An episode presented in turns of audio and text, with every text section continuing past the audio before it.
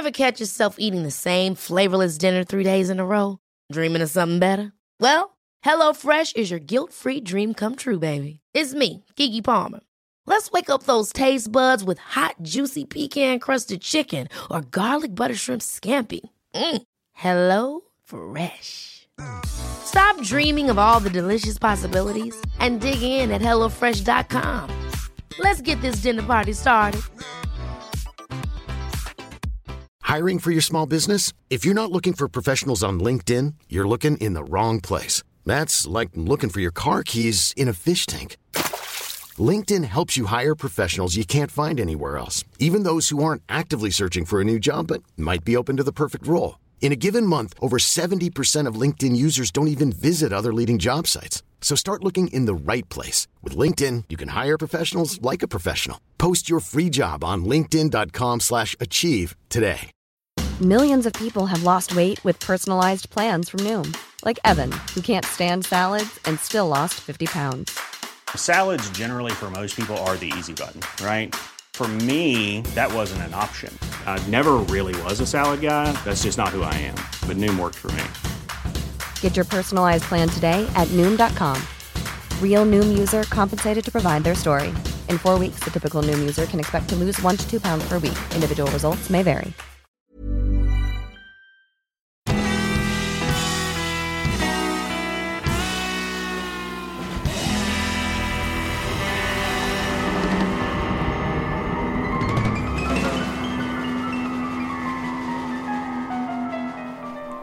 Hej allihopa och välkomna tillbaka till ett nytt avsnitt av Ståpäls med mig Lukas. Och med mig Ida. Mm. Och idag är det onsdag. Ja, Eh, onsdag den 2 december. Ja, vi spelade ju in eh, förra veckans avsnitt i måndags. Så att eh, Ja, precis. det här känns eh, som en rutin nu. Ja, Ehm, ja, hur är hur är det? läget? Jo då. ja, före. Du han och... Eh, nej men det är väl bra tycker jag. Eh, jag kom hem från jobbet vid typ, vad var det, en kvart i två. Jag bara, jag ska bara lägga mig lite i sängen. eh, Ja, men eh, jag en sov liten också en stund så att... Ja det behövdes kände jag. Jag var så trött i huvudet. Så att eh, jag har vilat, Mm. jobbat och eh, ja, nej men det har väl varit en bra dag, vecka än så länge. Eh, Mm. Ja, själv då? Eh, jo, jag eh, är trött. Jag kunde inte sova i natt. Jag fick Mm. veta i morse att det har varit fullmåne. Ja, då är det säkert där. Så eh, jag tror att det är därför. Jag Mm. somnade inte förrän typ vid fyra. Ja, roligt. Eh, så det var därför jag också sov en stund. Mm, det kan Jag jag har inte gjort så mig. mycket. Nej. Nej, det är ju så Men ibland. Nox, det här är mina bullar sa jag ju. Ursäkta, nu skrek jag rätt i micken. Vännox! De vill ju ha de där men- bullarna. Han är ju för fan hopplös. Ja, det kan jag tänka mig. Han välte en ljusstake i natt och tog manschetterna på den. Och... Ja men Såklart. Det gjorde ju... Vem var det som brukade göra det? Ja det var väl Bacardi. Han brukade Ja, låter pela bort Bacardi. dem och sen så sprang han iväg med dem och gömde dem någonstans. Så vi hittade inte dem. Han har böjt nedersta, en av de nedersta grenarna på julgranen också för han har försökt klättra i den. Mm. Ja just ja, du visste ju inte hur det skulle bli med granen och eh, Nox ju. Alltså han har inte tagit någonting men ibland så, alltså han vet ju typ Åh nu ska hon gå och lägga sig. Då ska Mm. han börja pilla på den för då vet han att jag kommer. Ah, lite uppmärksamhet. Men det jag har gjort nu är att jag har en sprayflaska med vatten och lite citronolja. Och det Mm. tycker inte han om. Nej det kan jag tänka mig. Det, men det är ju Ja, bra. nu ser jag djävulskapet börja här för nu vet han att jag är upptagen med någonting. Ja men nu ska det hända grejer. Ja det är väl roligt. När man har lite Ja, eh, dårar, dårar i hemmet. jag tänkte eh, han ska få följa med till Bacardi sen så får vi se om Mm. Han får en uppläxning eller inte. Nej det vet man inte. Bacardi är ju så lost så han vet väl inte ens vad... Att det är en annan katt där. Jo det gör han. Ja, det gör han. Ja. Ehm, ja, nej men eh, så kan det vara. Du, den där låter du bli. Vad skulle han nu ta? Ja, han börjar ju tugga på sladden på en taklampa som står på golvet. Ja, vad gott. Kan Mm. du få det lite i dig och så kanske du... Den är kanske inte ikopplad som tur är. Nej, det är den ju inte. Men han har tuggat på min laddare när den har varit ikopplad för han har pillat ur den ur telefonen. Ah. Eh, och jag såg precis när den här metallgrejen var på väg mot hans tunga och jag bara nej! Fasen, mamma. jag, tror inte, jag tror inte att de skadas av det men det känns ju onödigt att skapa risk för hjärtproblem. Ja, jo, jag känner det också. Vad ja. Han gör liksom allt sånt som Maja inte höll på med. Mm. Alltså inte ens när hon var kattunge. Han har klöst sönder väggen i sovrummet Mm. och i vardagsrummet. Mm. Han har klöst alltså på väggen bredvid hans enorma kattträd med typ 50 klöspelare på. Ja. Han har haft sönder gardiner. Mm. Han har dödat tre blommor. Ja. Eh, han tuggar på sladdar. Mm. Han är på mina fötter. Mm. Han biter mig i händerna. Mm. Låter som en liten djävulskatt. Ja, jag kanske skulle ha döpt honom till Lucifer istället. Ja, du får döpa om honom. Om det är någon som har tips på hur jag kan göra så skriv gärna det. För Ja. ja, ibland, vissa lite- kvällar så kan jag bli desperat alltså. Ja, man jag förstår det. Det är ju... När man inte är van vid det heller. Det blir ju en grej att ställa om sig på.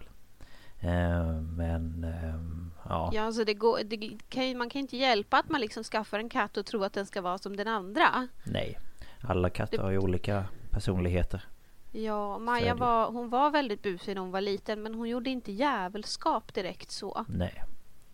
Hon var, hon var nog väldigt snäll. Jag blev nog bortskämd med Ja, det. det kan ju vara så. Så är det liksom ens första... Ja men eh, erfarenhet då av en egen katt och så... mm, Ja, så blir det kanske lite annorlunda när man väl får en, en annan då. Mm. Mm. Ja, herregud. Ja, ge. Eh, men eh, ska vi eh, berätta ämnet kanske? Mm, gör det. Det är ju då det paranormala eller hemsökta platser kan vi väl kalla det för. Mm. Mm, och det är ju egentligen sånt som vi eh, ville börja prata om. Det och true crime Ja, var väl det vi baserade liksom första säsongen på. precis. Eh, men ju... eh, vi ville branscha ut lite. Mm, Eh, så därför eh, så har det inte blivit lika mycket sånt. nej. Men Utan, eh, paranormalt är ju någonting vi eh, gillar. Ja, verkligen. Liksom... Vi har ju eh, våran eh, Youtube-kanal som heter Paranormal Tapes där vi gör paranormala utredningar Mm. och sådär. Mm. Det har vi ju. Så att eh, Ja, och det är ju... ehm, Jag tror det är en fa fasci fascina fascination. eh, För liksom... det där var svårt för en smålänning att Ja, säga. jag var fascina. Ehm, ja, för eh, liksom det paranormala och eh, liksom att man... eh, Man, man vet liksom inte. Och jag tycker det är så spännande. Och Mm. eh, så här försöka hitta något tecken på att det kanske finns. Ehm, så, och jag tror ju på det paranormala. Att det finns Mm, liksom ehm, energier och andar och liksom så. Så att ehm, Ja. jag följer ju det, Det- mesta som har med det att göra. Ja. Ja, nej men det är lite så här skräckblandad förtjusning. För det är ju Mm. läskigt men spännande. Ja. Jag såg eh, till exempel en favoritkanal är eh, Nukes Top 5. Mm. Eh, och eh, det är ju någonting jag följer så här slaviskt varje tisdag när det kommer ett nytt avsnitt. Så bara jag ska se. Eh, jag har varit lite slarvig ja, men då det är så här. Vissa är ju så att man, det är så här, vill jag se detta eller hur kommer, nej, oh, Och vissa saker när man, när man ser, eh, alltså man hoppar ju till. Mhm. Det var i det här senaste ska jag säga dig. Ehm, Ja, okej. Så jag höll på att sätta, vad heter det, kolan i halsen. jag blev så Ja, chockad. det är ju mindre bra. Ja, eh, nej men så det tycker vi är väldigt intressant. Så därför eh, tänkte vi att vi kör ett sånt avsnitt eh, i den här säsongen också. Yes. Och eh, idag är det jag som ska börja. Ehm, Mm. Så vi sätter väl igång. Ja, det är väl lika bra. Vi ska inte dra ut på detta mer.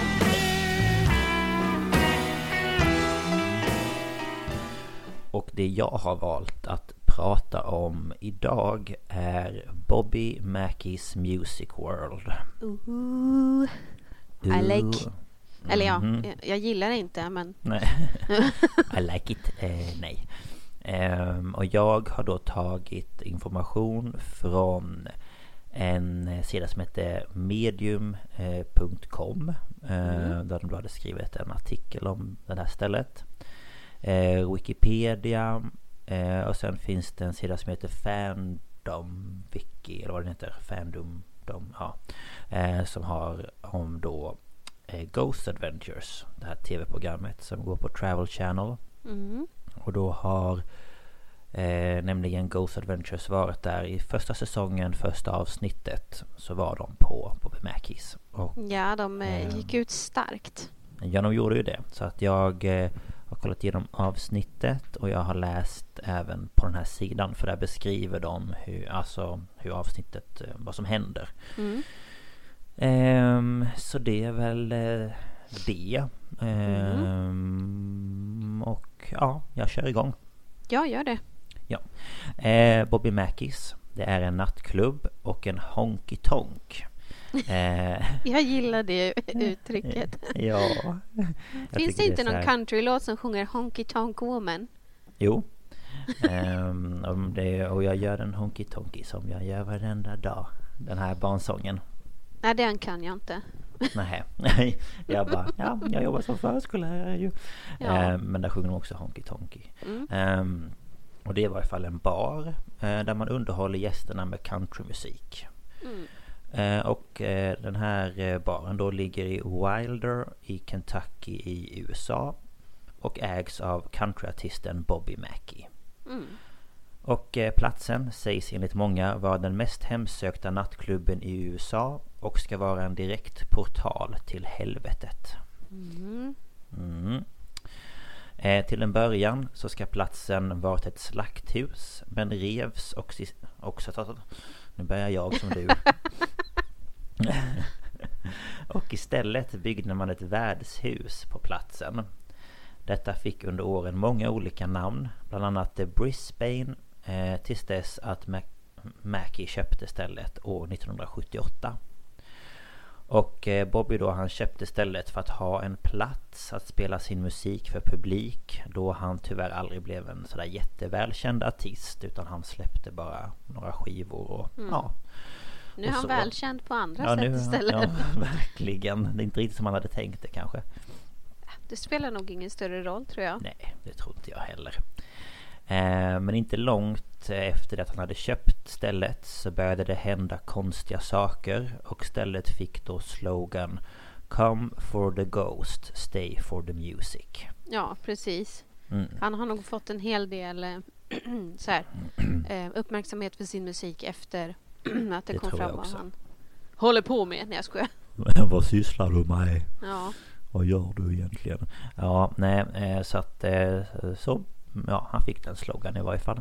Mm. Eh, och eh, förmodligen så hade nog han inte valt den här platsen eh, för sin publik. Eh, om han visste då vad som hade hänt. Eh, och platsen och dess mörka historia är full av mord, självmord och mänskliga offer. Eh, då området ligger nära floden Licking ja, just det. Ja, har platsen använts eh, av urinvånarna eh, som slog om den rika och bördiga marken. Mm. Så när vita bosättare kom dit under 1700-talet eh, kallades området för Leitch, Leitches Station. Mm. Eh, men under 1800-talet döptes platsen om till Wilder efter att järnvägsstationen som byggdes då i, närhet, i närheten. Mm. Eh, Efter att järnvägen då byggdes ihop med, stora, med det stora järnvägsnätet så började det lilla jordbrukssamhället att växa. Eh, Och under 1850-talet så ägdes marken av släkten Mackies och var då plats, som jag sa innan, till ett stort slakthus eh, som levererade kött till stora delar av Kentucky och Cincinnati. Mm. Eh, och på den tiden så fungerar inte slakt, slakteriet som det gör idag. Eh, så istället för att man delade upp blodet, inälvorna, benen och brosket så valde man att dumpa alla liksom, grejer i en brunn som fanns i källaren. Mm.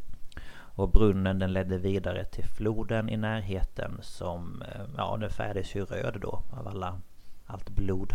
Ja, just det. Yes. Ehm, och slakthuset det stängdes under 1890-talet utan någon klar anledning. Och lämnades oanvänd och övergiven. Ehm, det ryktades att efter ett tag så ska en satanistisk typ kult eller sekt flyttat in. Och eh, de ska då ha använt brunnen i källaren till ritualer och för att offra, ja, offer. Mm. Eh, och detta sägs dock vara en sägen som det då oftast blir i mindre samhällen. Ja. Men år 1896 så blev området plats, eh, platsen för ett riktigt mord. Jag tyckte du sa platt först. Jag bara, Ja, varför blev det området platt? Det kommer inte jag ihåg. Området blev bara platt. Det Nej, var djävulen. Han stampade Ja. på dem. han bara nu jävlar ska det vara platt här. Eller något, jag vet inte. Vilken dålig humor vi har alltså. ja, jag känner det. Ja, så fint. Oj, oj, oj. Ja. Ehm, det var då den 22-åriga Pearl Bryans kropp som hittades halshuggen i ett fält på tomten.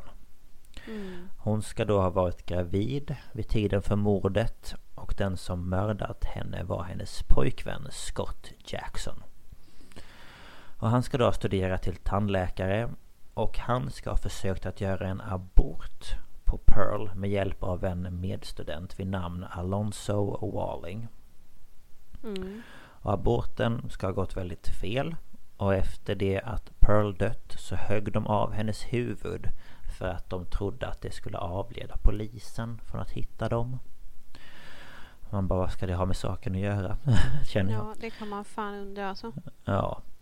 Eh, men det blev båda eh, snart tagna av polisen och dömda till döden. Mm. Och precis innan Walling skulle avrättas så sägs det att han ska ha sagt att han skulle hemsökta platsen som hämnd för att han blivit orättvist avrättad. Eh, och rykten menar även att de båda männen ska ha slängt ner Pearls huvud i brunnen i någon form av okult ritual och att det skapade då den här portalen till helvetet. Mm. Eh, och byggnaden blev efter detta övergiven i flera år tills det att slakthuset revs år 1920 då värdshuset då byggdes. Mm. Trots förbud blev stället en hemlig bar och ett kasino som kallades The Prime Rose. Eller The Primrose kan man säga. Prime. P-R-I-M. Ja, det är prim. Ja. Eh, och det här blev så populärt att de, det stod gangsters, men jag säger gangstrar, jag vet inte. Mm. Ja, men det är Eh, typ ja. samma sak. Från eh, Cincinnati kom dit för att försöka komma åt de blomstrande affärerna. Mm. Och när ägaren Buck Brady eh, vägrade sälja byggnaden blev personalen hotade, slagna och flera försök till mord ägde rum. Och efter alla de här incidenterna så valde han att sälja och flyttade sen till Florida. Mm.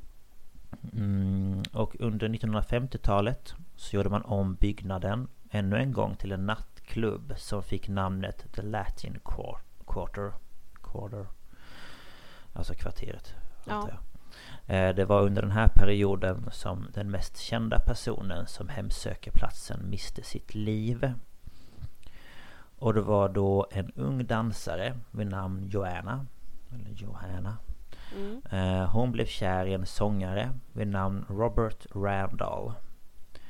Och hon ska strax därpå blivit gravid och när hennes pappa fick reda på det blev han rasande och mördade Randall.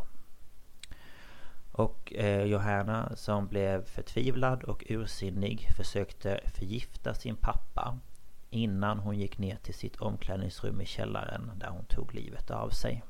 Mm. Och hennes livlösa kropp hittades liggandes bredvid brunnen. Men det sägs att hennes själ är kvar i byggnaden och vägrar att lämna. Ja. Och det är för att eh, man tror att hennes själ då sägs leta efter hennes förlorade kärlek. Åh. Mm. Eh, och eh, fram till år 1978 har byggnaden varit vittne till alla möjliga former av dödsfall. Och därför är det kanske inte så konstigt att när Bobby Mackey köpte byggnaden så började det konstiga saker hända. Mm. Hans fru ska ha blivit attackerad av en osynlig kraft. Eh, Byggarbetare som har hyrts in för att renovera har blivit slagna, rivna och det är någon som har liksom morrat, growl, alltså åt dem. Mm. Eh, vuxna män har blivit slängda tvärs genom rummen. Eh, en kvinna klädd i en vit klänning sägs plötsligt visa sig på parkeringen utanför innan hon lika plötsligt försvinner igen. Och många säger sig ha sett den huvudlöse Pearl Bryan och Johanna eh, är känd för att sjunga med till musiken som då spelas. Ja, visst gjorde han en låt till henne? Eh, ja, det finns en låt som heter typ Joanna Den här- någonting. Johanna, Johanna, na na na na na Mm. eller någonting. Mm, precis. Ja, men alltså det är kaos. Jag måste försöka dricka mitt te här. Jag gör det. Ehm, Jag vet ja, att de spelar upp det i typ... Jag tror att det är i Ghost Adventures avsnittet. Jo, men de pratar om det i, ehm, i avsnittet har jag för Ja. mig. Ehm, så gjorde jag en låt också. Ehm, och ja, hon eh, går väl runt där och hänger med i, i svängarna. Ja, hon blir väl glad för den uppmärksamheten tänker jag. Ja, gud ja. Det tror jag alldeles säkert. Men det verkar ju inte som att hon är elak. Alltså, Nej, alltså hon är väl bara förtvivlad. ja. Hon går väl där och tänker vad fasen har min pojkvän tagit vägen? Ja, han är Ehm, nog tyvärr inte där tror jag. Nej, det tror inte jag heller. Jag tror inte han vill vara där. Nej. Ehm, och eh, ja, möbler sägs även flyttas av sig själv. Och ljudet Mm. av smällar och mardrömslika skrik ekar från väggarna. Men det som Bobby Mackis är mest känd för är vad som händer i källaren. Och källaren är då något som många har kommit att frukta. Mm. Eh, människor som kommer dit vägrar att ens vara i närheten av brunnen eftersom det ska ha en konstig effekt på dem. En mystisk cowboy ska ha skymtats nere i källaren när den står och lurar på folk. Och djupa morrande, eh, morrade ljud eh, kan höras komma från brunnen. Mm. Vilket då har gjort att fler har blivit övertygade om att det här då är en direkt portal till helvetet. Ja. Ehm, Men det är dock många som inte tror på att något av detta är sant. Eh, Då man menar på att utredningar som gjorts gällande platsen inte har lett någonstans. Det sägs att det inte ska finnas några offentliga register, nyhetsartiklar eller dokument från då rätten eh, som styrker platsens historia. Och det ska heller inte finnas några samband mellan Bobby Mackis och Pearl Bryan. Men många då inom liksom, vad ska man säga, rättsväsendet och liksom polis och sånt Mm. menar på att mycket av det som hände under den här tiden dokumenterades aldrig på grund av att det hände så många brott på den här platsen. Ja. Eh, Så det kan ju vara så att det som sägs stämmer men det är ingen som har liksom råkat lägga någon vikt vid det. Nej, det är liksom over and done med. Ja, att ja men ja, det var ännu ett mord. Ja, ja skitsamma. Vi har redan skrivit om 50 andra. Men ja. Lite Ja, så. typ. Och sen så blev de ju dömda och... Ja, jo men precis. Så är det ju. Eh, och platsen eh, har dock genom åren blivit ett ställe dit många paranormala utredare åker för att hitta och dokumentera bevis av det paranormala. Och ett av dessa team som jag sa tidigare är då Ghost Adventures. Eh, och de åkte dit och lyckades fånga en hel del trovärdigt material som stödjer att platsen skulle kunna vara hemsökt. Ja. Och i sitt avsnitt så har det även med en video från en exorcism som ska ha ägt rum inne i byggnaden. Eh, Detta avsnitt var deras första avsnitt och sändes år 2008.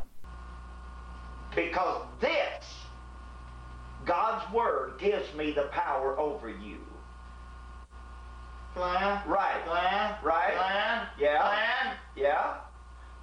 You leave me alone? Isn't it time for Charlie to leave? Huh?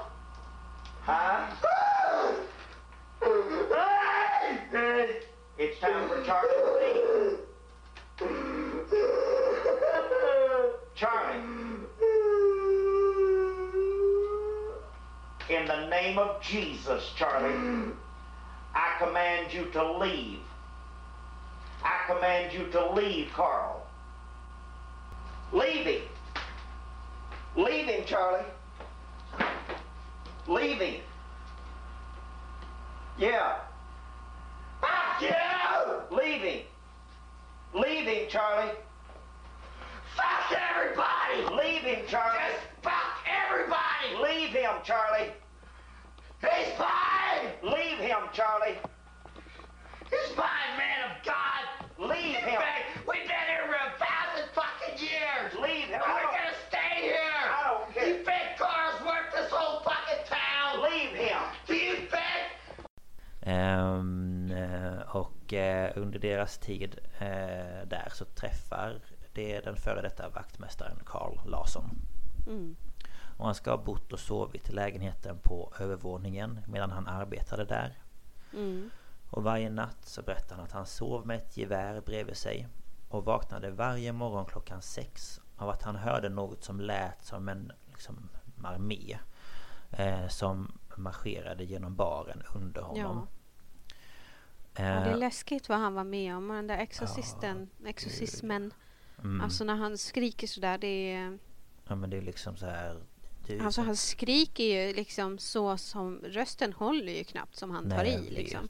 Han bara ja du, du Karl har ingenting med min kropp att göra. Det är min kropp. eh." Och så börjar de prata emot och han bara ja jag vet. Och Men det sjuk- sjuka är ju att han fortsätter ju bo där efteråt. Han bara Jag ja vet. men eh, ja. Jag vet helt galet och i den här eh, klippet också från Ghost Adventures så håller ju De sitter ju vid ett bord och så håller ju den här prästen eller vad det nu är för någonting eh, Hans händer Och så ser man liksom i slutet hur han Böjer sig bakåt längre och längre och längre bak Sen så välter ju stolen Så han ramlar Ja. ju ner på golvet och ja det är helt full kalabalik ja. Ehm, och ja, vid ett tillfälle då så ska Larsson blivit besatt av en demon. Och under sex timmar så utfördes då den här exorcismen på honom. Hej Nox. Eh, hej. Jag ska...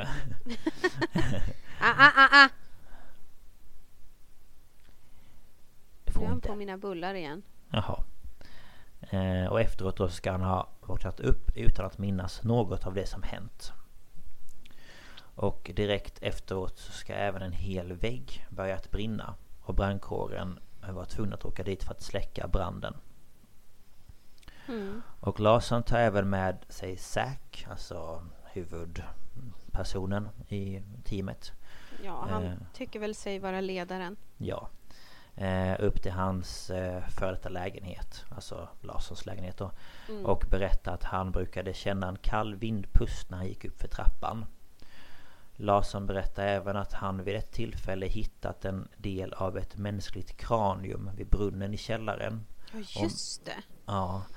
Eh, och menar att han ångrar att han upptäckt brunnen. Eh, och han trodde att det var anledningen till att alla demoniska attacker då har skett. Mm.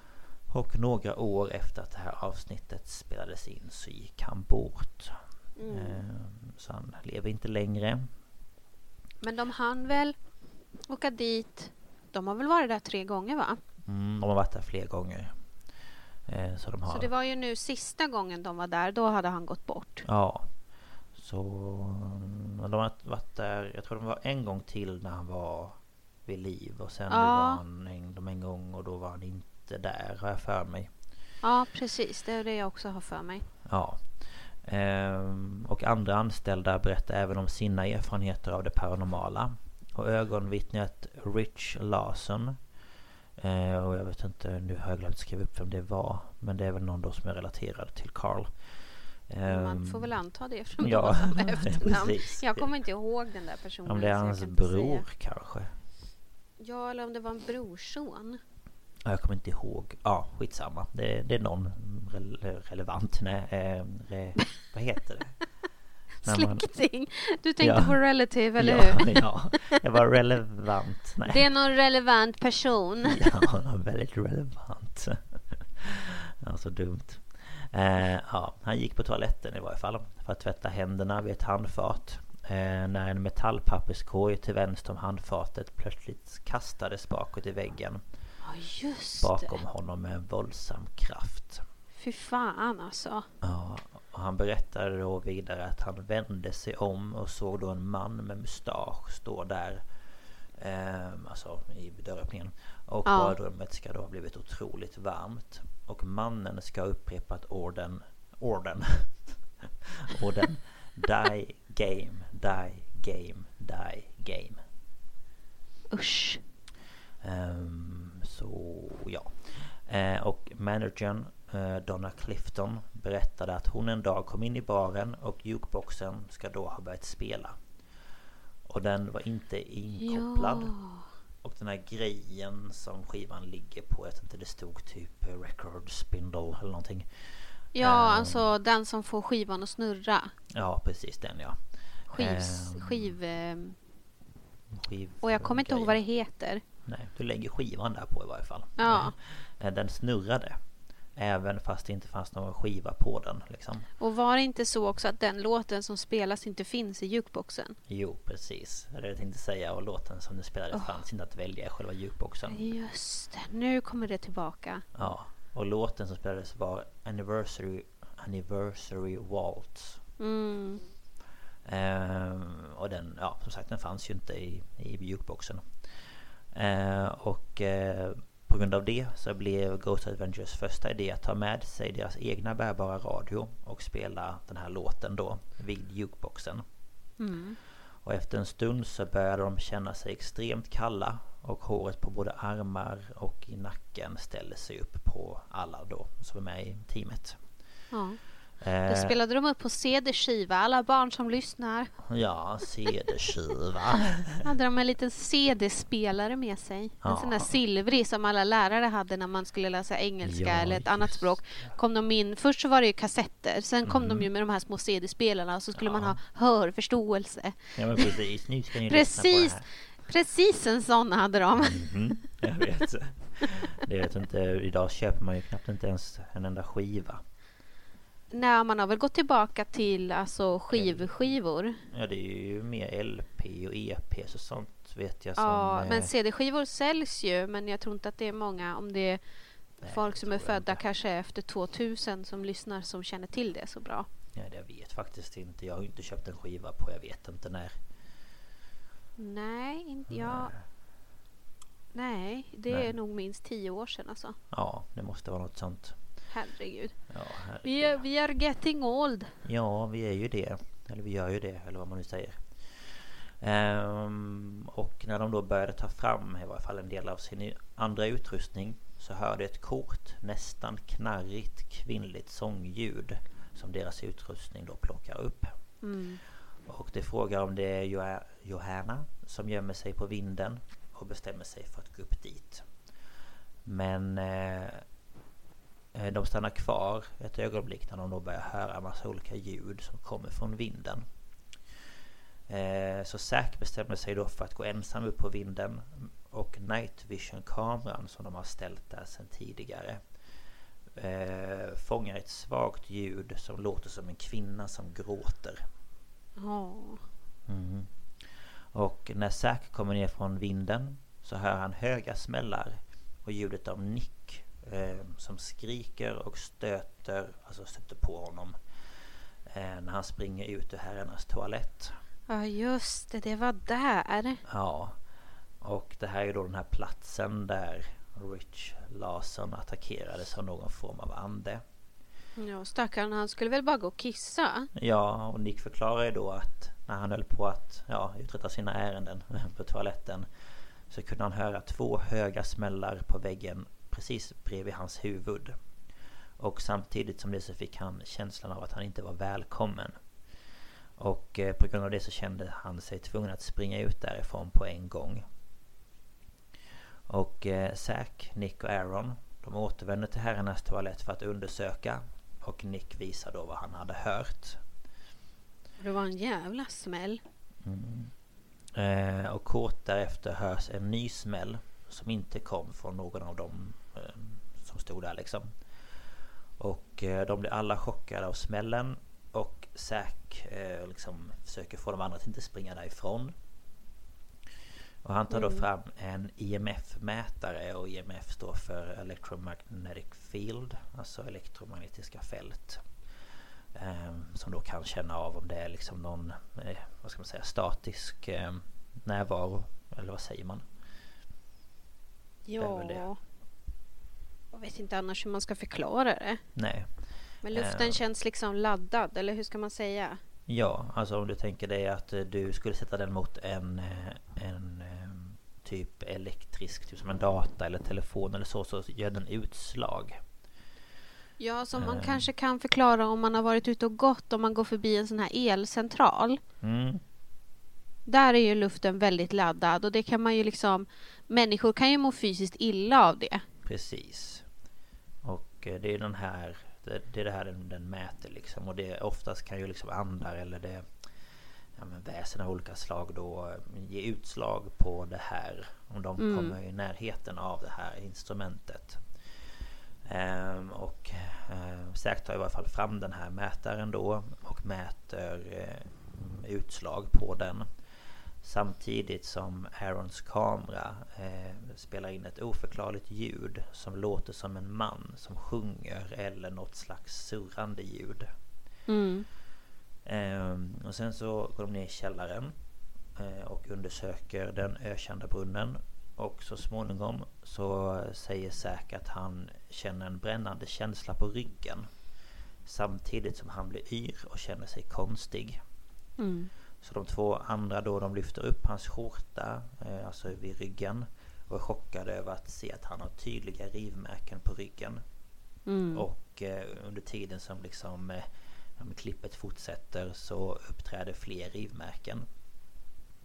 Och eh, kameran fångar också några glödande ljusfenomen kring eh, Zack då. Mm. Och eh, sen är det ett rum, jag vet inte hur jag skulle översätta det men det hette The Room of Faces. Jag vet inte. Eh, Ah, men- rummet med ansikten. Ja, för först var jag så här, har de kanske skrev fel på typ så här, du vet så här, eh, det finns ju speciella sminkrum eller så. Mm. Jag tänkte först om det var det, men ja, i det här rummet i varje fall. Så tänder de några ljus och placerar dem på marken på ett så här ritualiskt sätt. Mm. Eh, och samtidigt som de gör det så undersöker de väggarna för att se om de kan hitta några, liksom, något spår av blod från förr. Ja, just det. Eh, Ja, och under tiden så stannar Nick i rummet bredvid eh, för att försöka spela in ett eh, EVP. Och det är ju Electric Voice Phenomenon, väl? Electronic voice Ja, phenomenon. Electronic Voice Phenomenon, precis. Och det är ju då eh, att, eh, ett sätt för eh, andra att eh, kommunicera med oss genom Mm. att man spelar in eh, Ja, typ så här röstinspelare som vi gör nu Kan Ja. man väl säga eh, Och eh, han ställer då frågor till de två eh, mördarna då eh, och under detta så får han ett kusligt EVP som låter som en kvinna som gråter och en raspig manlig röst som omedelbart efter det säger Precious No. Ja, just det. Mm. Eh, precis som att han så här, Åh min kära, nej jag vet inte. Eller så här, äh, Precious älskling nej. No. Ja, Alltså som att han, hon gråter för att hon är rädd och han liksom säger älskling nej. ja precis. Eh, så ja, det är lite, lite läskigt. Ja, verkligen. Ehm, och eh, efter detta då så samlas de igen och sätter upp en sån här night vision kamera mot området vid ett kylskåp. ehm, där Zack tidigare under dagen hade sett en skuggfigur gå bakom kylskåpet. Och eh, strax då innan de, alltså de kom in i bilden ehm, så ser eh, de båda samt att kameran spelar in figuren av en svart silhuett som ser ut som en man i en ko- cowboy, cowboyhatt eh, som går in bakom kylskåpet och det ska då möjligen vara Scott Jacksons spöke. Mhm. Mm. Ehm, och efter utredningen eh, så ska en av medlemmarna ha skilt sig efter att händelser skett efteråt som gjort att förhållandet inte höll. Ja, just det. Och det är ju då Aaron som eh, ja, Ja. skilde sig med sin dåvarande fru efter att han hade dragit med sig någonting hem som förstörde för dem. Det där var väl väldigt tufft för honom för han, vad jag minns, är ju väldigt eh, religiös. Alltså Mm, han Kristen. tror liksom. verkligen ja. på Gud och sådär. Så när det handlar om djävulen och sånt så blir ju han eh, Ja, jag tror att, ledsen. Jag kommer ihåg när de är i någon skog. Ja, Ehm, det kanske var när de var i, på Irland. Det kan det kanske när varit. han känner någonting ta tag i örat på honom med så här Mm, klor. Just Och han blir helt förstörd och de får inte ur honom vad som är fel. Och då säger han att en känsla gick igenom mig och jag kände att jag blev rörd av djävulen. Ja. Och han var så panikslagen. Ja. Ja, och jag vet att han efter vissa av de här grejerna var lite så här, ska jag verkligen fortsätta med det här?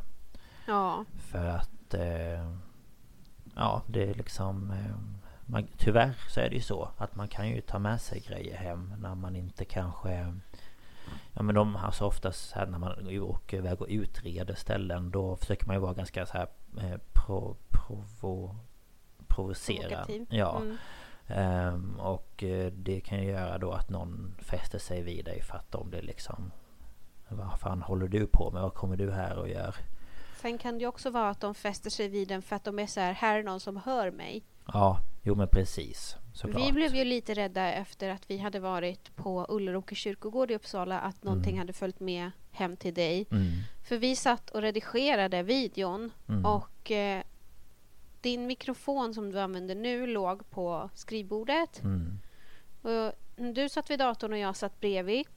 Och så hör jag något skrapande ljud och tittar ner och då snurrar mikrofonen på Mm. bordet. Ja, jag vet. hur. Och, och jag liksom fick panik så jag bara backade och så sa jag varför rör sig mikrofonen?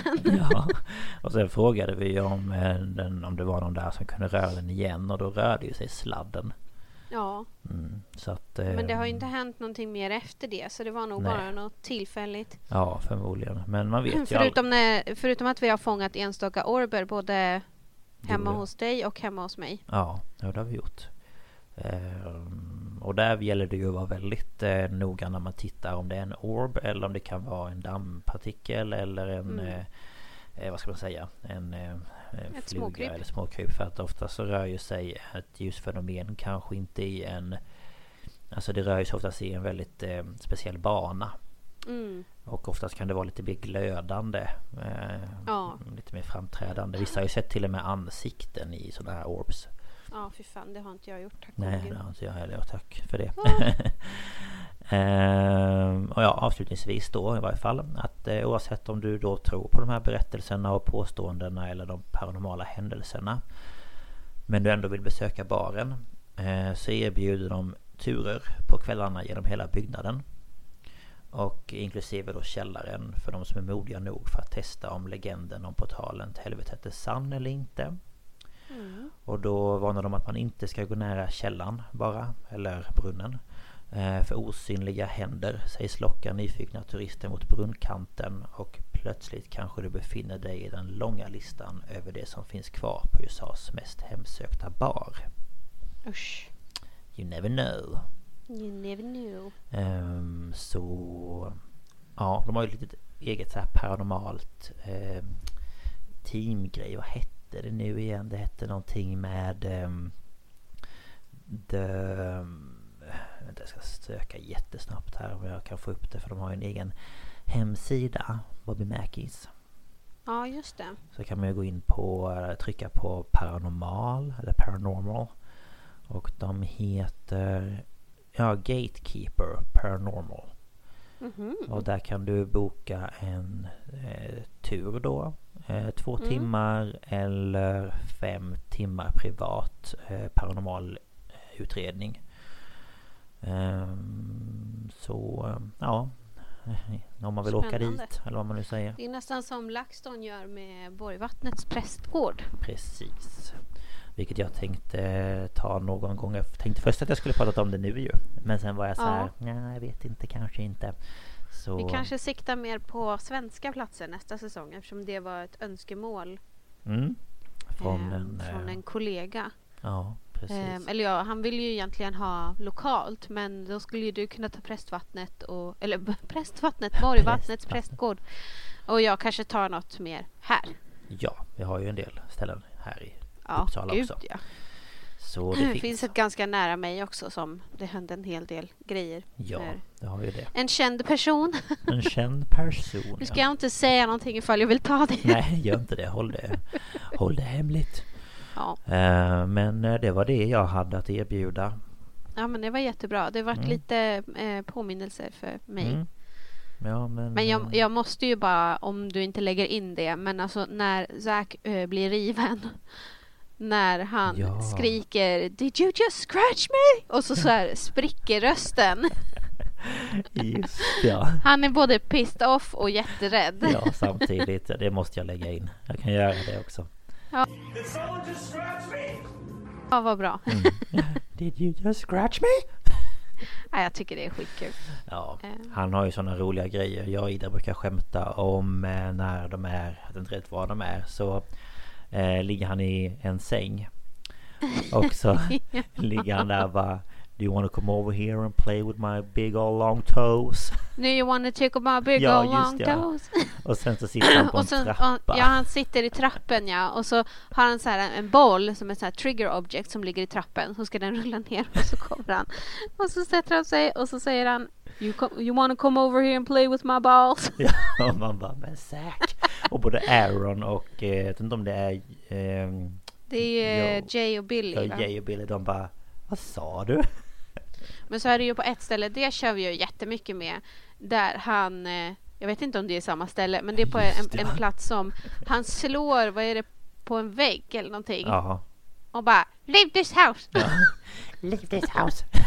Den kör vi mycket med också. Ja, det är när man, eh, ja Ja, herregud Han är lite rolig. Han är väldigt rolig ehm, Faktiskt Men Ja. ehm, ja, kolla på Ghost Adventures om ni inte har gjort det Ja gud, det finns eh, Massor med säsonger massor, massor, massor. Ja, verkligen Så, ehm, ja, nej men det var mitt Ska vi Ja. köra vidare?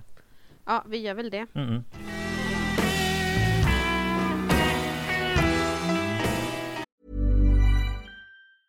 Hey, it's Danny Pellegrino from Everything Iconic.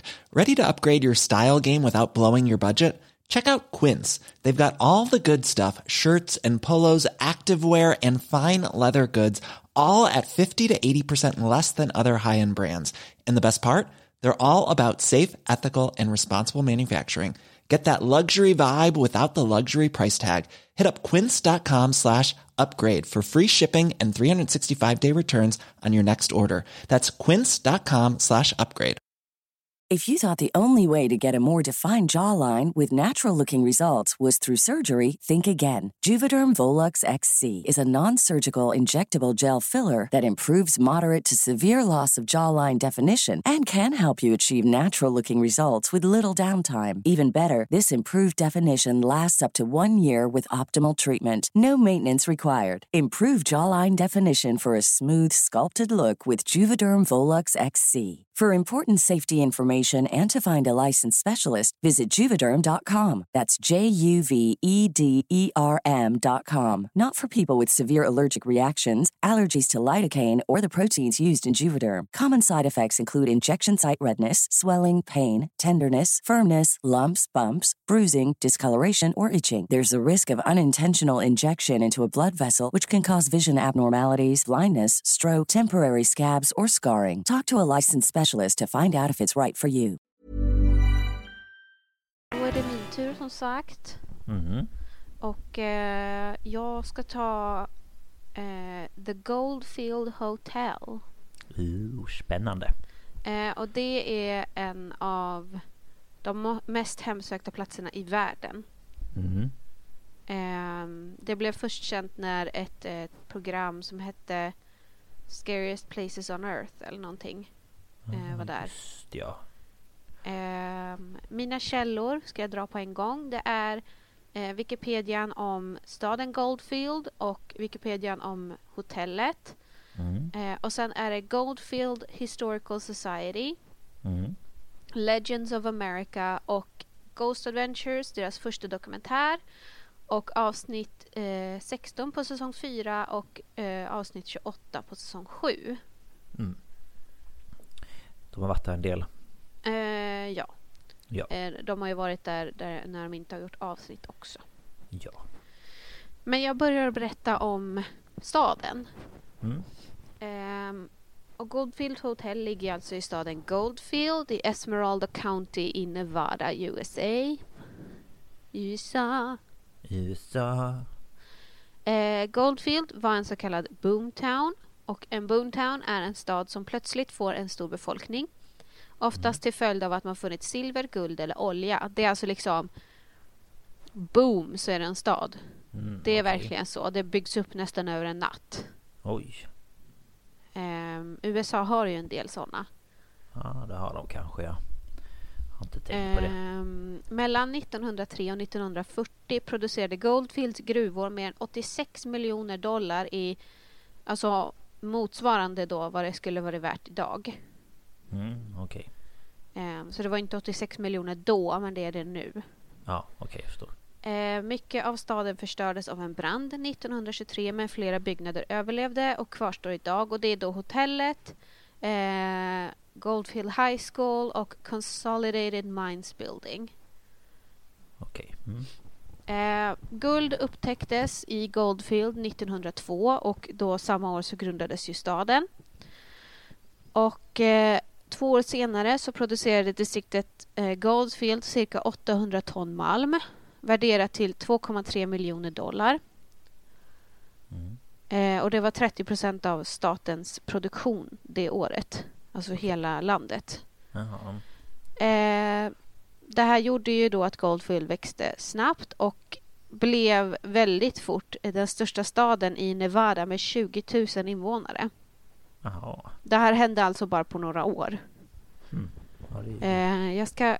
Jag hade på Wikipedia så fanns det en sån där så jag kan... Eh, eh, de hade då liksom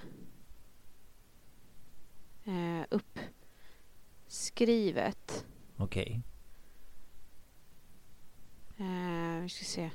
Goldfield, Nevada. Det finns nämligen ett cigarettmärke som heter så också. Ja just ja. Det gör det ja.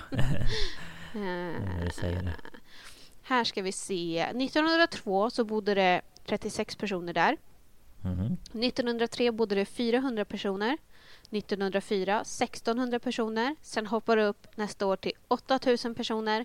Och då 1906, alltså fyra år senare, så bodde det 20 000 pers där.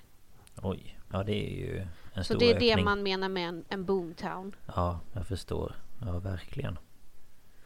Det är eh, inte så vanligt här i Sverige. Nej, nej, såklart. Eh, en framstående invånare var George Wingfield. Och han var en eh, Nevada-företagare och han byggde Goldfield Hotel. Eh, för att han tillsammans med sin partner George S. Nixon, eh, som senare blev senator, eh, han, eh, de såg potentialen i Goldfield för att de hade gruvor i Tonopah som är ungefär fyra mil bort. Mhm. Och eh, de satsade då och blev väldigt rika i Goldfield genom att bilda Goldfield Consolidated Mining Company. Okej. Eh, Ja. Och år 1906 var de värda 30 miljoner dollar. Oh. Det var deras eh, förmögenhet. Ja, det var ju lite. Mm. Eh, andra personer... Eh, andra... andra Är det vilket språk ska du börja prata nu? Ah, jag vet inte. Herregud. Andra kända personer som bott i staden var Wyatt och Virgil Earp.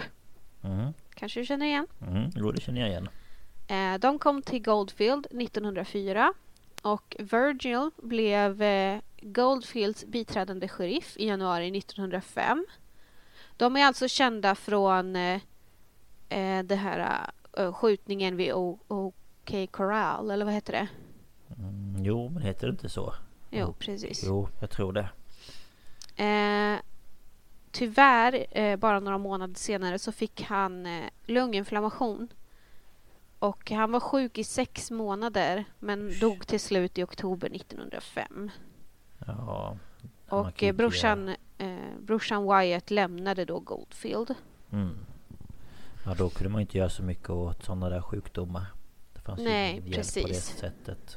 Nej, Så hemskt att vara sjuk i sex månader av en sån sjukdom. Ja. ja fy fan.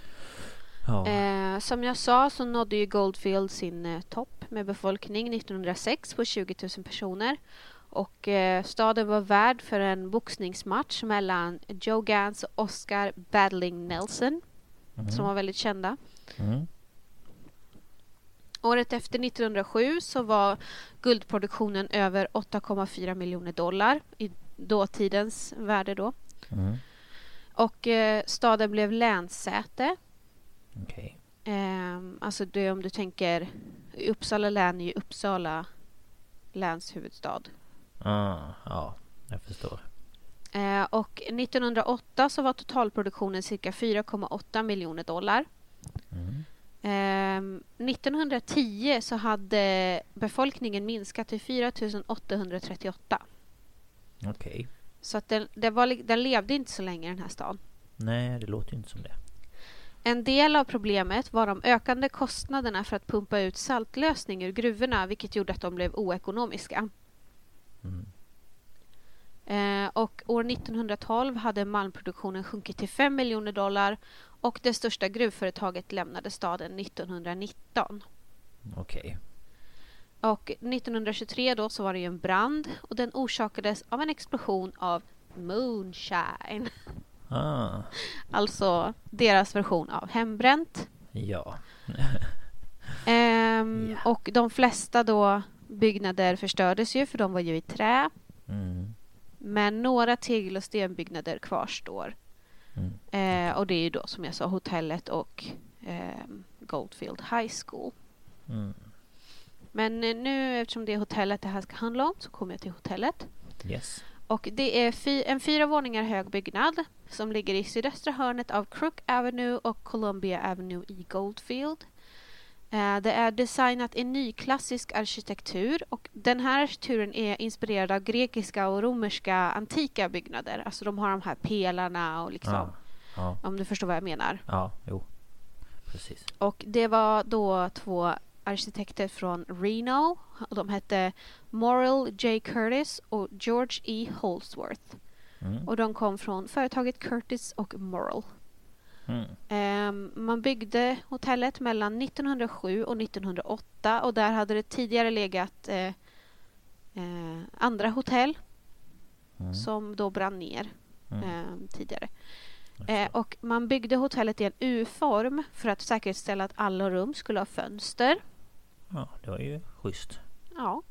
Tycker jag. Eh, bottenvåningens yttre fasader byggdes av två granitstenar och den inre fasaden på första våningen och alla övre våningsfasader byggdes i tegel, rött tegel.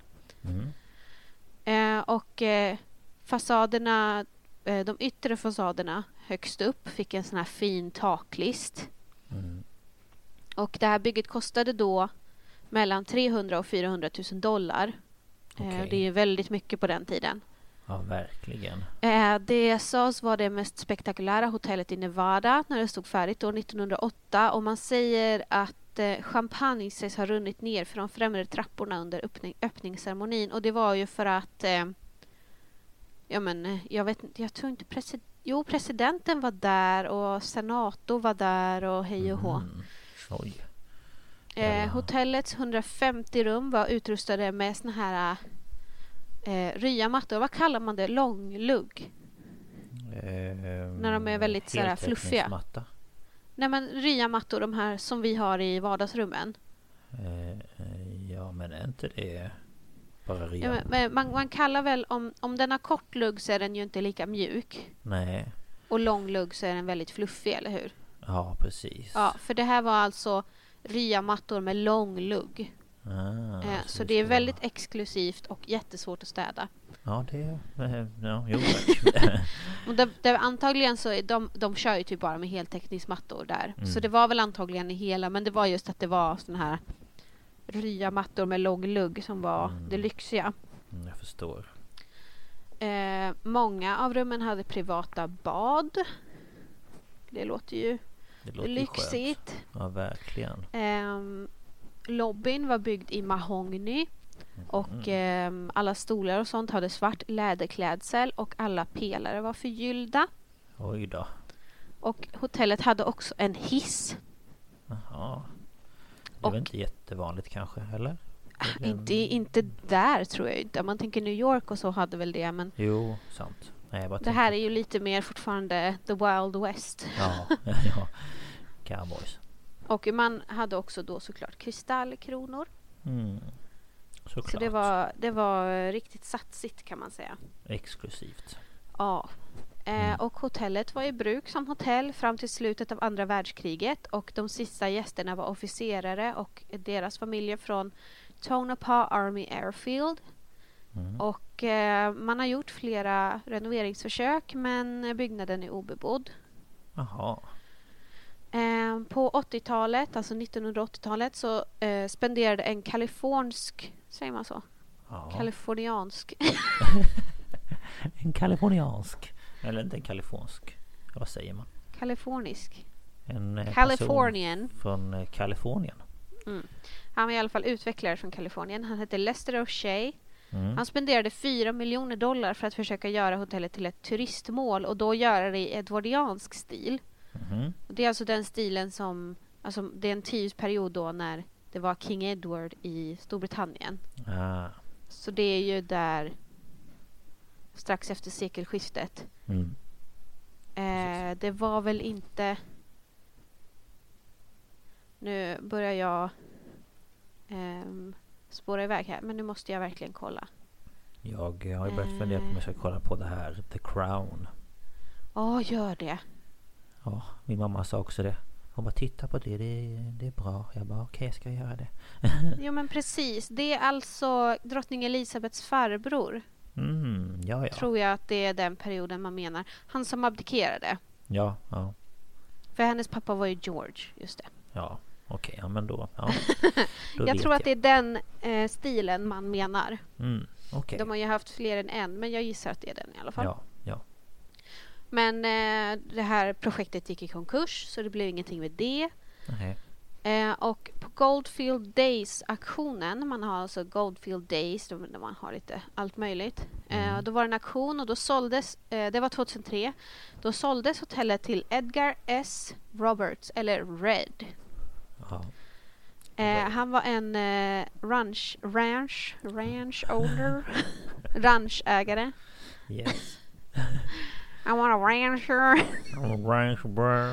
Uh, my name is my name is Red and I own a ranch. Det är typ så de låter. För oss i alla fall. Ja. Ehm, eh, han var i alla fall då ägde en ranch och var ingenjör. Han kom från Carson City Mm. och han fick köpa hotellet då för 360 000 dollar. Mhm. Eh, och han berättade för The Wall Street Journal eh, året efter att han hade planer på att renovera de två nedre våningarna i hotellet och öppna dem för allmänheten till år 2006. Mm. Han sa också till tidningen, det är en utmaning, jag kan ångra det. Jaha, okej. Eh, det blev ingenting med det. Han ångrade sig med andra ord. Eh, ja. Ja. Och År 2008 så skänktes byggnaden till en icke vinstdrivande organisation i Nevada. Och de ska hjälpa invånarna i Goldfield och Esmeralda, Esmeralda County att återställa den här byggnaden. Mm. Och Goldfield Historical Society har röstat och eh, de eh, vill genomföra en renovering. Och de söker då hjälp av eh, både staten med bidrag och sen donationer och sen har de såna här insamlingar, fundraisers som de Okej. säger. Ja. Och de ämnar att återställa hotellet till dess forna glans och man har tänkt att byggnaden ska representera kulturhistorien som finns där men också kanske vara lite som en lo- eventlokal. Mm. Okej. Men eh, år 2010 så var fortfarande inte klart. Nej. De har bara haft några år på sig. Eh, det är väl en hel del Ja, byråkrati. Det har jag det säkert med att göra. Så jag tänker det borde inte ta så där jäkla lång tid annars väl. Och, alltså, fixa Ja, men det, det ska väl vara det att det ska samlas in pengar, det ska tas Ja. beslut. Jaha, vem ska bygga? Då måste vi göra upphandlingar. Ja, ja men såklart. Men eh, ändå. Ja, ta, Mm. ta tummen ur, ur rumpan. Eller något. Ja, eller hur? Ja. Ehm, Goldfield-bosatta Virginia Ridgway. Eh, hon tillbringade tre decennier som vaktmästare och nyckelinnehavare till hotellet då och eh, hon gav besökare tillgång till byggnaden och följde med dem upp när de gick runt där. Mm. Eh, Men i januari 2016 så meddelade hon att hon ger upp den här rollen och överlämnade nycklarna till Malek Devarpana.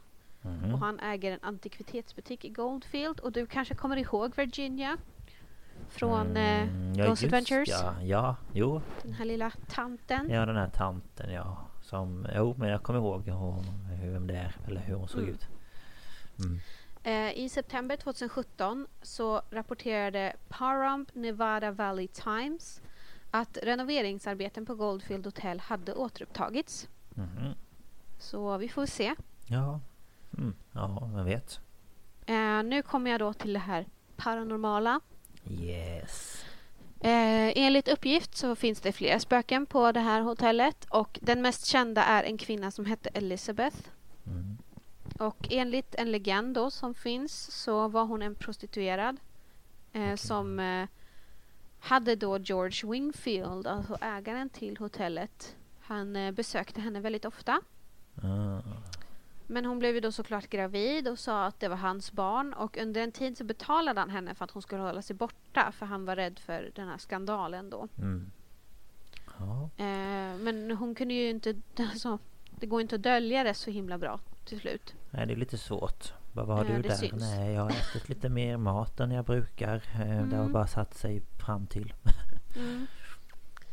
Ehm, då sägs det då att han ska ha lockat henne in på hotellet till rum 109. Och där kedjade han fast henne i ett element. Gud, jag kommer ihåg det här. Mm. Och han gav henne mat och vatten men inget mer och hon lämnades där till eh, barnet var redo. Ja.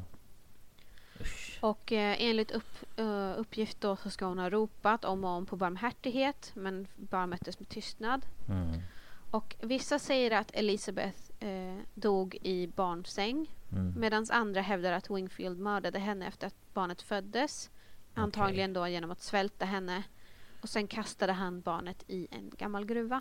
Ja, vilken eh, schysst kille. Eh, Ett Mm. riktigt svin. Eh, ja. Mm. I vilket fall som helst så Mm. fortsätter legenden. Eh, och ehm, när man då har sett Elizabeth och hennes uppenbarelse har hon beskrivit som att hon har långt så här flowy white hair, alltså väldigt så här äh, långt eh, böljande hår kanske man kan säga. Mm.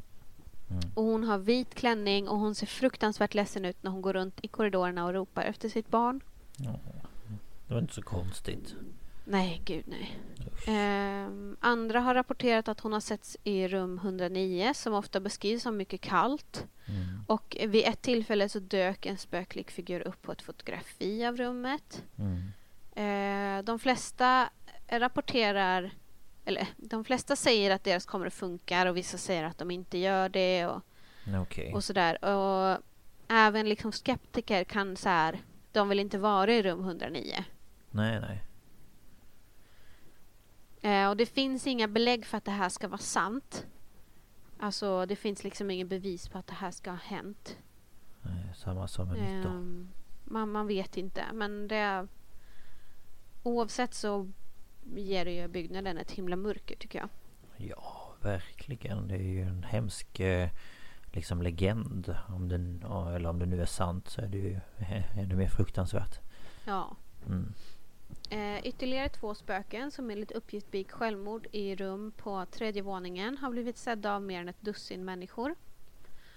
Eh, deras identiteter är okänd, eller okända. Mm. Eh, men en sägs vara en kvinna som hängde sig och den andra sägs vara en man som hoppade till sin död från hotellets tak. Oj, ja. Eller från ett rum då, man vet inte. Nej. Och i det som en gång var den huvudsakliga matsalen som kallades Guldrummet finns en illvillig ande känd för namnet The Stabber. Oh, Eller huggaren. Det låter ju säkert. Och eh, han ska då attackera de som passerar tröskeln med vad som känns som en stor kökskniv. Ja. Eh, han har aldrig skadat någon, det är ju aldrig en riktig kniv. Nej, nej, nej. Men han har ju skrämt många. Ja. Eh, och det är verkligen sådär, de känner en närvaro, känner hur det hugger till och så är det ingenting där. Usch. Fy. Eh, nära lobbytrappan finns tre små andar. Det är två barn och en dvärg. Och de ska vara lite busiga. Mm. Eh, de smyger sig bakom människor och knackar dem på ryggen och så fnissar de och springer iväg. Ja. Som barn. Mm. Fast den andra var en, dvärg så var det väl kortväxt. Ja, så de skrev ju dvärg, det var väl det man kallade det på den Ja, tiden. Men det är ja. alltså en kortväxt. Ja, jag tänkte om det var ett barn också eller om det var en vuxen. Alltså. Men det kan inte stå. Nej, alltså det står, de säger bara att det är tre andar, två barn och en dvärg. Jaha, okej. Ja. Men jag vet ja. inte, det kan väl lika gärna vara ett barn. Ja, jag tänkte det lät lite så här busigt liksom. Ja, Som barn brukar kunna göra. jag vet inte. Nej, nej. Eh, och slutligen så sägs det då att George Wingfield själv hemsöker sitt hotell och gör sin närvaro känd genom cigarrök. Mm. Ehm, man har rapporterat att man har hittat färsk cigarraska i hans rum på första våningen. Mm. Man har även känt hans närvaro vid lobbytrappan. Mm. Eh, men det här är också lite så här... eh, jag vet inte, för han var inte känd för att besöka hotellet. Nej, nej. Det hanterades mer av hans partner. Och eh, han dog i Reno i Nevada 1959 och då undrar man liksom så här, varför skulle hans ande vara på hotellet då? Men då tänker jag om det är det att han kanske har, om det är sant det här med Elizabeth, att det har Ja, gjort att hans ande inte- fastnar. Ja, alltså att den inte kan få kanske Ro. ja, ro för att kanske innerst inne så uh, mår han dåligt över detta men inte kan ha visat det eller ja. Mm. Jag vet inte. Ja, det är lite svårt att säga. Ja. Och ehm, jag tänkte då ta upp lite paranormala exempel. Yes. Det är alltså bevis då. Mm, spännande. Eh, bland annat så har folk eh, på såna här eh, guidade turer och på ett event som Ghost Adventures hade. Eh, de har fått stenar kastade på sig. Ja. Eh, ganska stora stenar. Och, och i ett avsnitt så får också Zack en sån kastad på sin sko. Just ja. Eh, och det här är liksom de intervjuaren som var med på en sån där och han bara så det här är det bästa jag varit med om i hela mitt liv. han är Ja. skitlycklig. Det kan jag tänka Eh, mig. han fick alltså en sån i skallen. Ja, han var skitskoj. Ja, men det är liksom, han Ja, har väl fått någon slags... Ja men jag tänker att om du då har kanske varit på olika sådana här och det händer liksom aldrig någonting så får du äntligen ett bevis på att det kanske liksom finns något Men jag tror att för honom är det också på något vis, för han har inte varit på sånt där. Nej, Men nej. för honom så var det mer något bevis på att döden är inte slutet och att det gav honom någon slags Mm. livsglädje på något vis. Ja, det var ju Det fint var, också det var liksom lite djupare än bara åh, jag fick något på film. Ja, jag förstår. För det är lite så jag också tänker när det kommer till Mm. det paranormala. Att det kanske inte är så att det blir svart. Utan det kanske Nej. kommer mer. Mm. Jag vet bara inte om det ännu. Så det var nog så han kände. Ja, det var ju fint i varje fall. Ja, det tycker jag. Ja, Det är synd att man ska få en sten i skallen för Ja, att veta det bara. för att få tillbaka livsglädjen liksom. Ja. Ja. Eh, man menar att det finns såna här så kallade ley lines i staden och de Mm. möts där. Och det här är liksom...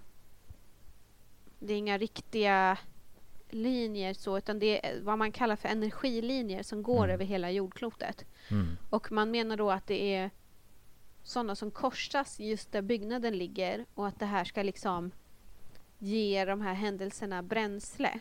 Ja, såklart. Eh, och man tror också att på grund av de här linjerna så finns det en sjunde port till helvetet i källaren. Mhm. Ja, det är mycket med Eh. källare och helvete. Ja. eh, jag tänkte ta från Ghost Adventures när Virginia berättar om vad hon har varit med om. Mm. Eh, hon var tillsammans med en vän och en bekant i ett av rummen på, jag tror att det var tredje våningen. Eller något. Mm. Nej, jag kommer inte ihåg vad hon sa. Nej. Eh, men de skulle i alla fall göra en ritual för att få bort de onda andarna. Eh, de här vännerna då. Mm. Och eh, de hade ett pentagram, ljus och havssalt och hon ställde sig en liten bit ifrån. Ehm, inte mot en vägg men framför en vägg. Mm. Okej. Och plötsligt så känner hon händer under, alltså i armhålorna som när man lyfter upp ett barn. Nej men usch. Och eh, hon blir kastad in i väggen. Nej men fy. Jag, jag har ett litet minne Och hon sa jag känner ju verkligen händerna, jag känner beröringen. Usch, Alltså paniken. Ja. Oh. Och eh, hon tror också att det finns något som hon kallade psychic room, eller medierummet. Mhm. Och eh, hon visar då han Red och ehm, eh, Nick och Zack, för Aaron är inte med här. Nej okej.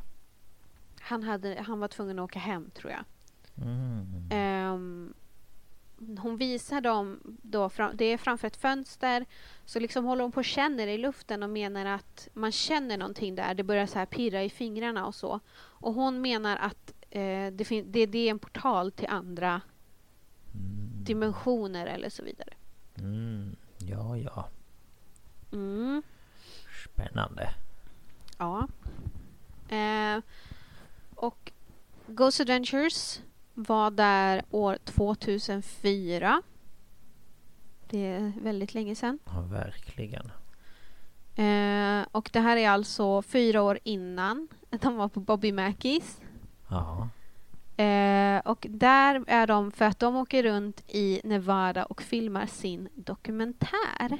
Just ja. Så de är ju på flera olika ställen och avslutar då på Goldfield Hotel. Och Aaron är ju med på allt annat men av någon anledning då så är han inte med här och det ångrar han ju nu.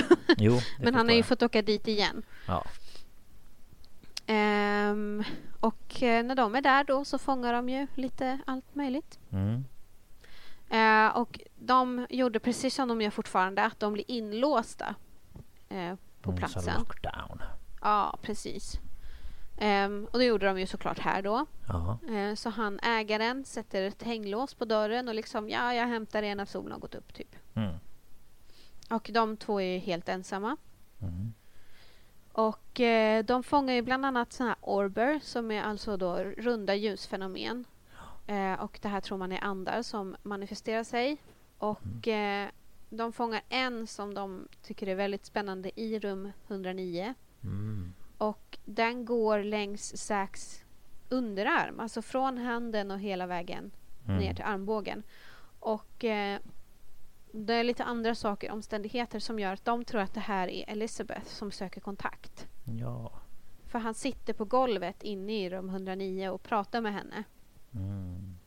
Just Och det. den, det ser verkligen ut som att den här eh, bollen smeker han, hela hans arm. Som en, typ en hand som klappar liksom eller någonting. Ja, och Mm. han säger att han kände liksom lite så statisk känsla. Ja. ja.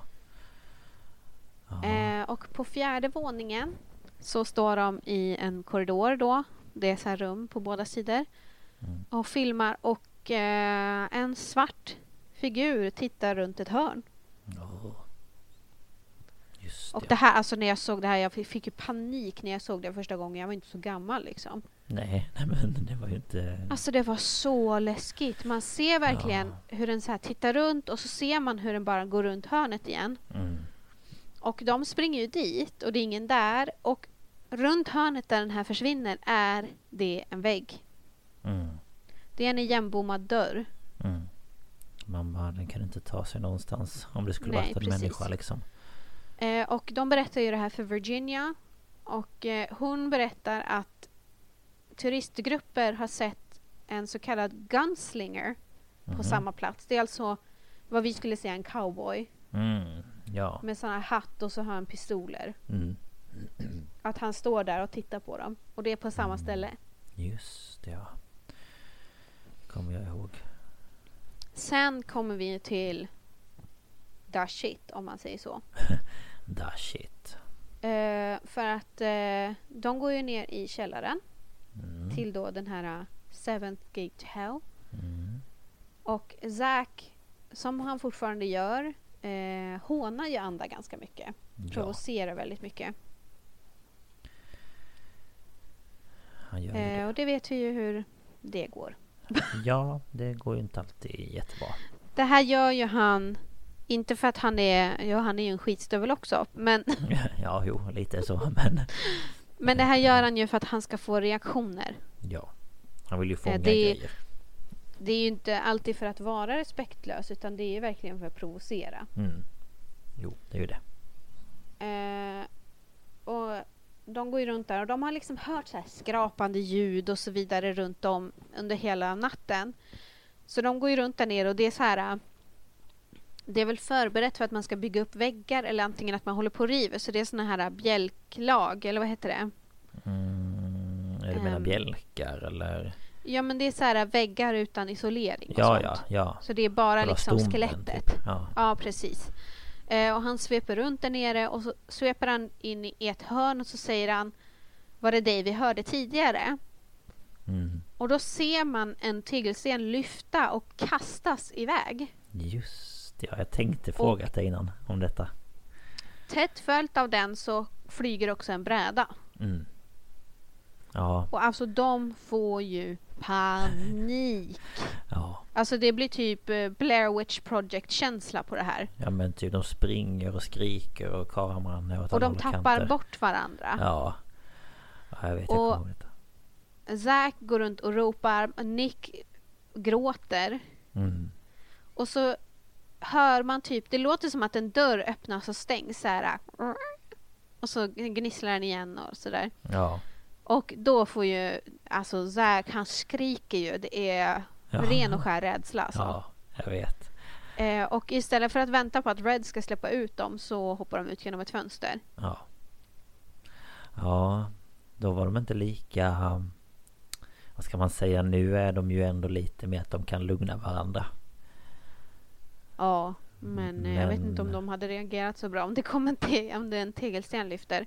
Och Nej, alltså de, eh, i den här dokumentären så åker de ju till en eh, jag tror att han jobbar för polisen. Han är så här video analyst specialist bla bla bla. Mm, just Ehm, ja, det gör de ja. Och han kollar med olika filter och grejer för att se om han kan se om det är fejkat. Ja. Och han kan inte se någonting. Och så åker de till eh, Nevada University, eller Ja. vad det heter, eh, och träffar en eh, fysiker. Mm. Eh, och han tittar på den här videon och han säger om det här skulle varit fake då skulle ni behövt en så tjock lina för att eh, kunna rycka den här tegelstenen på det sättet. Ja. Då skulle den ha synts. Ja. Precis. För en så, tegelsten väger ju en del. Ehm, ja. och det hade ju inte räckt med en... Jag tänker en fiskelina är väl stark men... Ja, Men om Det du ska rycka ju- till då går ja. den ju av. Ja. Det är skillnad om du ska dra liksom. Jo, precis. Det är det jag också tänker. Ehm, ja, jag kommer ihåg detta. När den här scenen liksom, när allt det där händer. Och Mm. Ja, det var ju väldigt skitläskigt. klassisk just deras... ehm, ja men om man tänker på dem så tänker man ju ofta på den här första dokumentären och det som Ja. hände. Ja. Ehm, ja. Ehm, och när ett annat team vid senare tillfälle besöker hotellet så fångar de bevis som kan kopplas tillbaka till Ghost Adventures crew. Mm, Och det här teamet är Mark och Debbie Constantino. mm, just ja. Eh, och de är välkända inom området för sina kunskaper om EVP, Electronic Voice Phenomenon, eller ERF som LaxTon säger, Ja. elektroniskt röstfenomen. ja. Och det här som vi sa är ju röster från andar och vi kan inte höra, alltid höra dem med blotta ö- örat, ögat. Nej, blotta ögat. Utan man, man menar att andar kan prata i en annan frekvens. Mm. Och det här kan man då fånga på elektroniska saker som kameror eller diktafoner eller Mm. vad som helst. Ja. Eh, och de besöker hotellet tillsammans med en stor grupp från en lokal nyhetskanal. Så jag tror att de är totalt nio pers eller någonting. Mm. Och de går ju runt i huset och de hör ljud och ser skuggor och hittar de här stenarna som kastas någonstans ifrån. Mm. Och det är egentligen inte förrän Debbie börjar prata om Zack och Nick Mm. som alltså de får ett så kallat Class A EVP. Alltså det är Ja. kristallklart. Och hon frågar kan ni åtminstone säga om ni gjorde det, alltså kasta tegelstenen och brädan? Och får då svaret tack, men vi har gjort det. Ja. Och eh, jag tänkte jag skulle spela upp det Mm. nu. Mm. Could you always tell me in the recorder if you did it? Could you always tell me in the recorder if you did it? You. Eh, Ganska läskigt. Eh, ja. Jag Ganska jag läskigt. kunde, jag lägger in det en gång till. Ja. Could you always tell me in the recorder if you did it?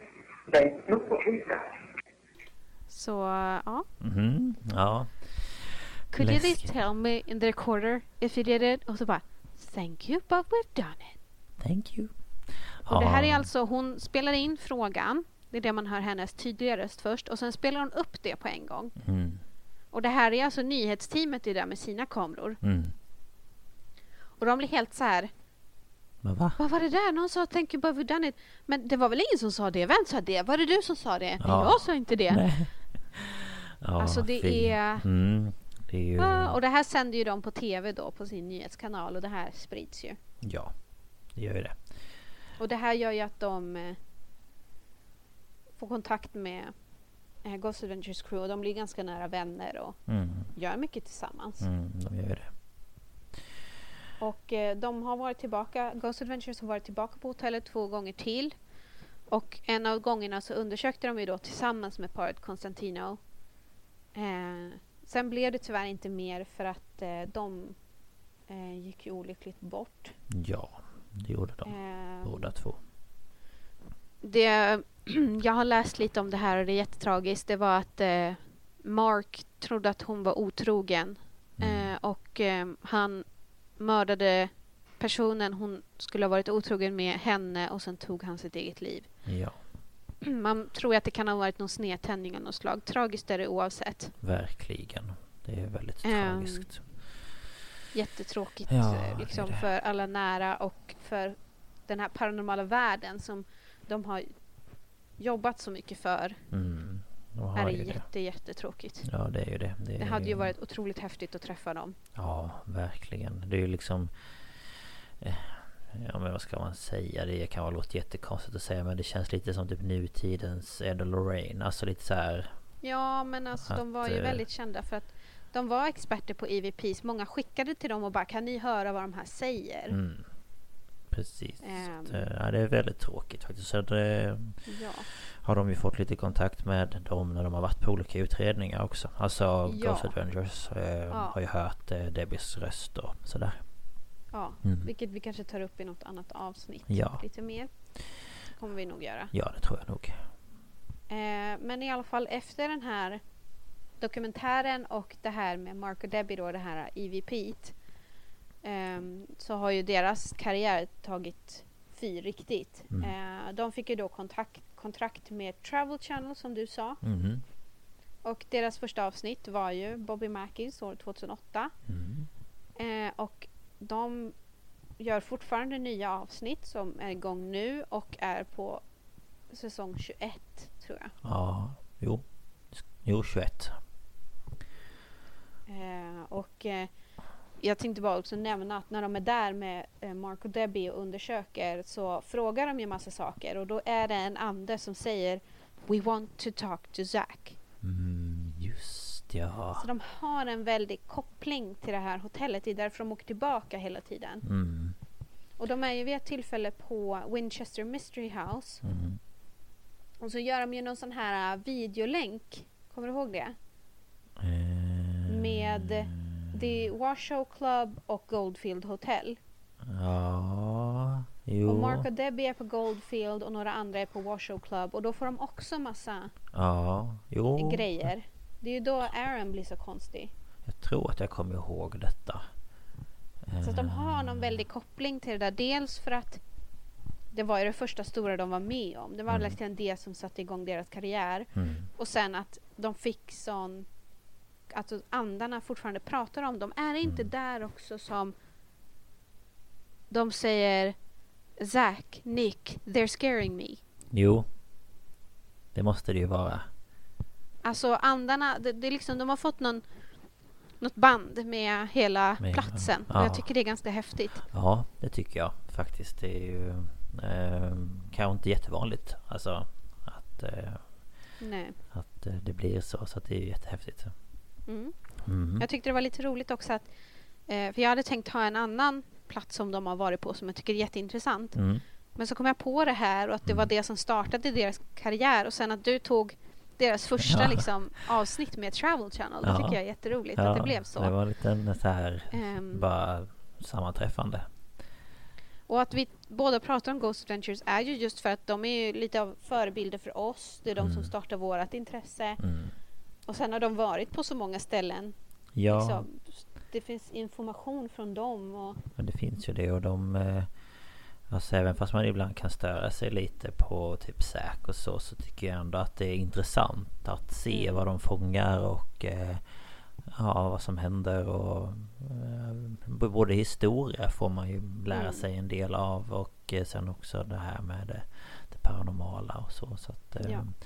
Det är så vi rekommenderar favorit. verkligen att kolla på dem. Mm, om ni inte har gjort det redan Ehm, så gör det. på, på svenska heter det Andar finns de. Jag tror att det finns lite grann om man har Jag vet inte om det är Dplay eller TV4 Play. Något av det tror jag det finns på. kanske det finns på ja. Eh, och vill man så kanske det finns amerikanska sidor, typ Hulu eller någonting. Jag har faktiskt ingen koll. Nej Jag vet inte heller faktiskt tittar. men eh, det finns i alla fall. Så på Ghost Adventures eller Andar finns de. Ja, ett Ehm, tips Ja, de Mm. första säsongerna, de typ första fyra, fem säsongerna är skitbra. Ja Jag vet inte, ja, det är av någon anledning tycker jag de är mycket bättre än de nyare. Jo, jag Men- tycker också det. Är lite så här Det kanske är för att de tar de mest hemsökta platserna först. Jo det kan ju vara så För nu är det ju mer liksom att de kanske får kontakt med folk som vill ha hjälp också Mm.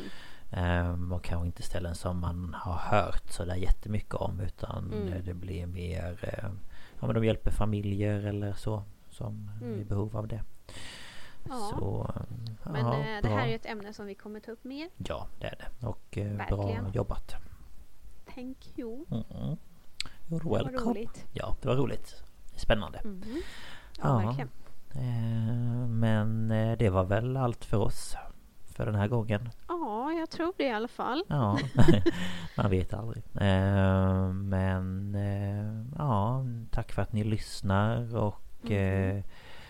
eh, eh, Tack för allt tänkte jag säga Kontaktuppgifter finns som vanligt i avsnittsbeskrivningen om ni vill höra av er. mm. Det är bara att göra det Eh, Så Mm. får ni ha det så bra Mm, ni får ha en trevlig andra advent. Ja, det kommer ju snart det med Och eh, vi kommer tillbaka nästa vecka igen. Det gör vi med ett nytt ämne och ett avsnitt Ja! Ja, men eh, ha det så bra. Hej då! Hej då!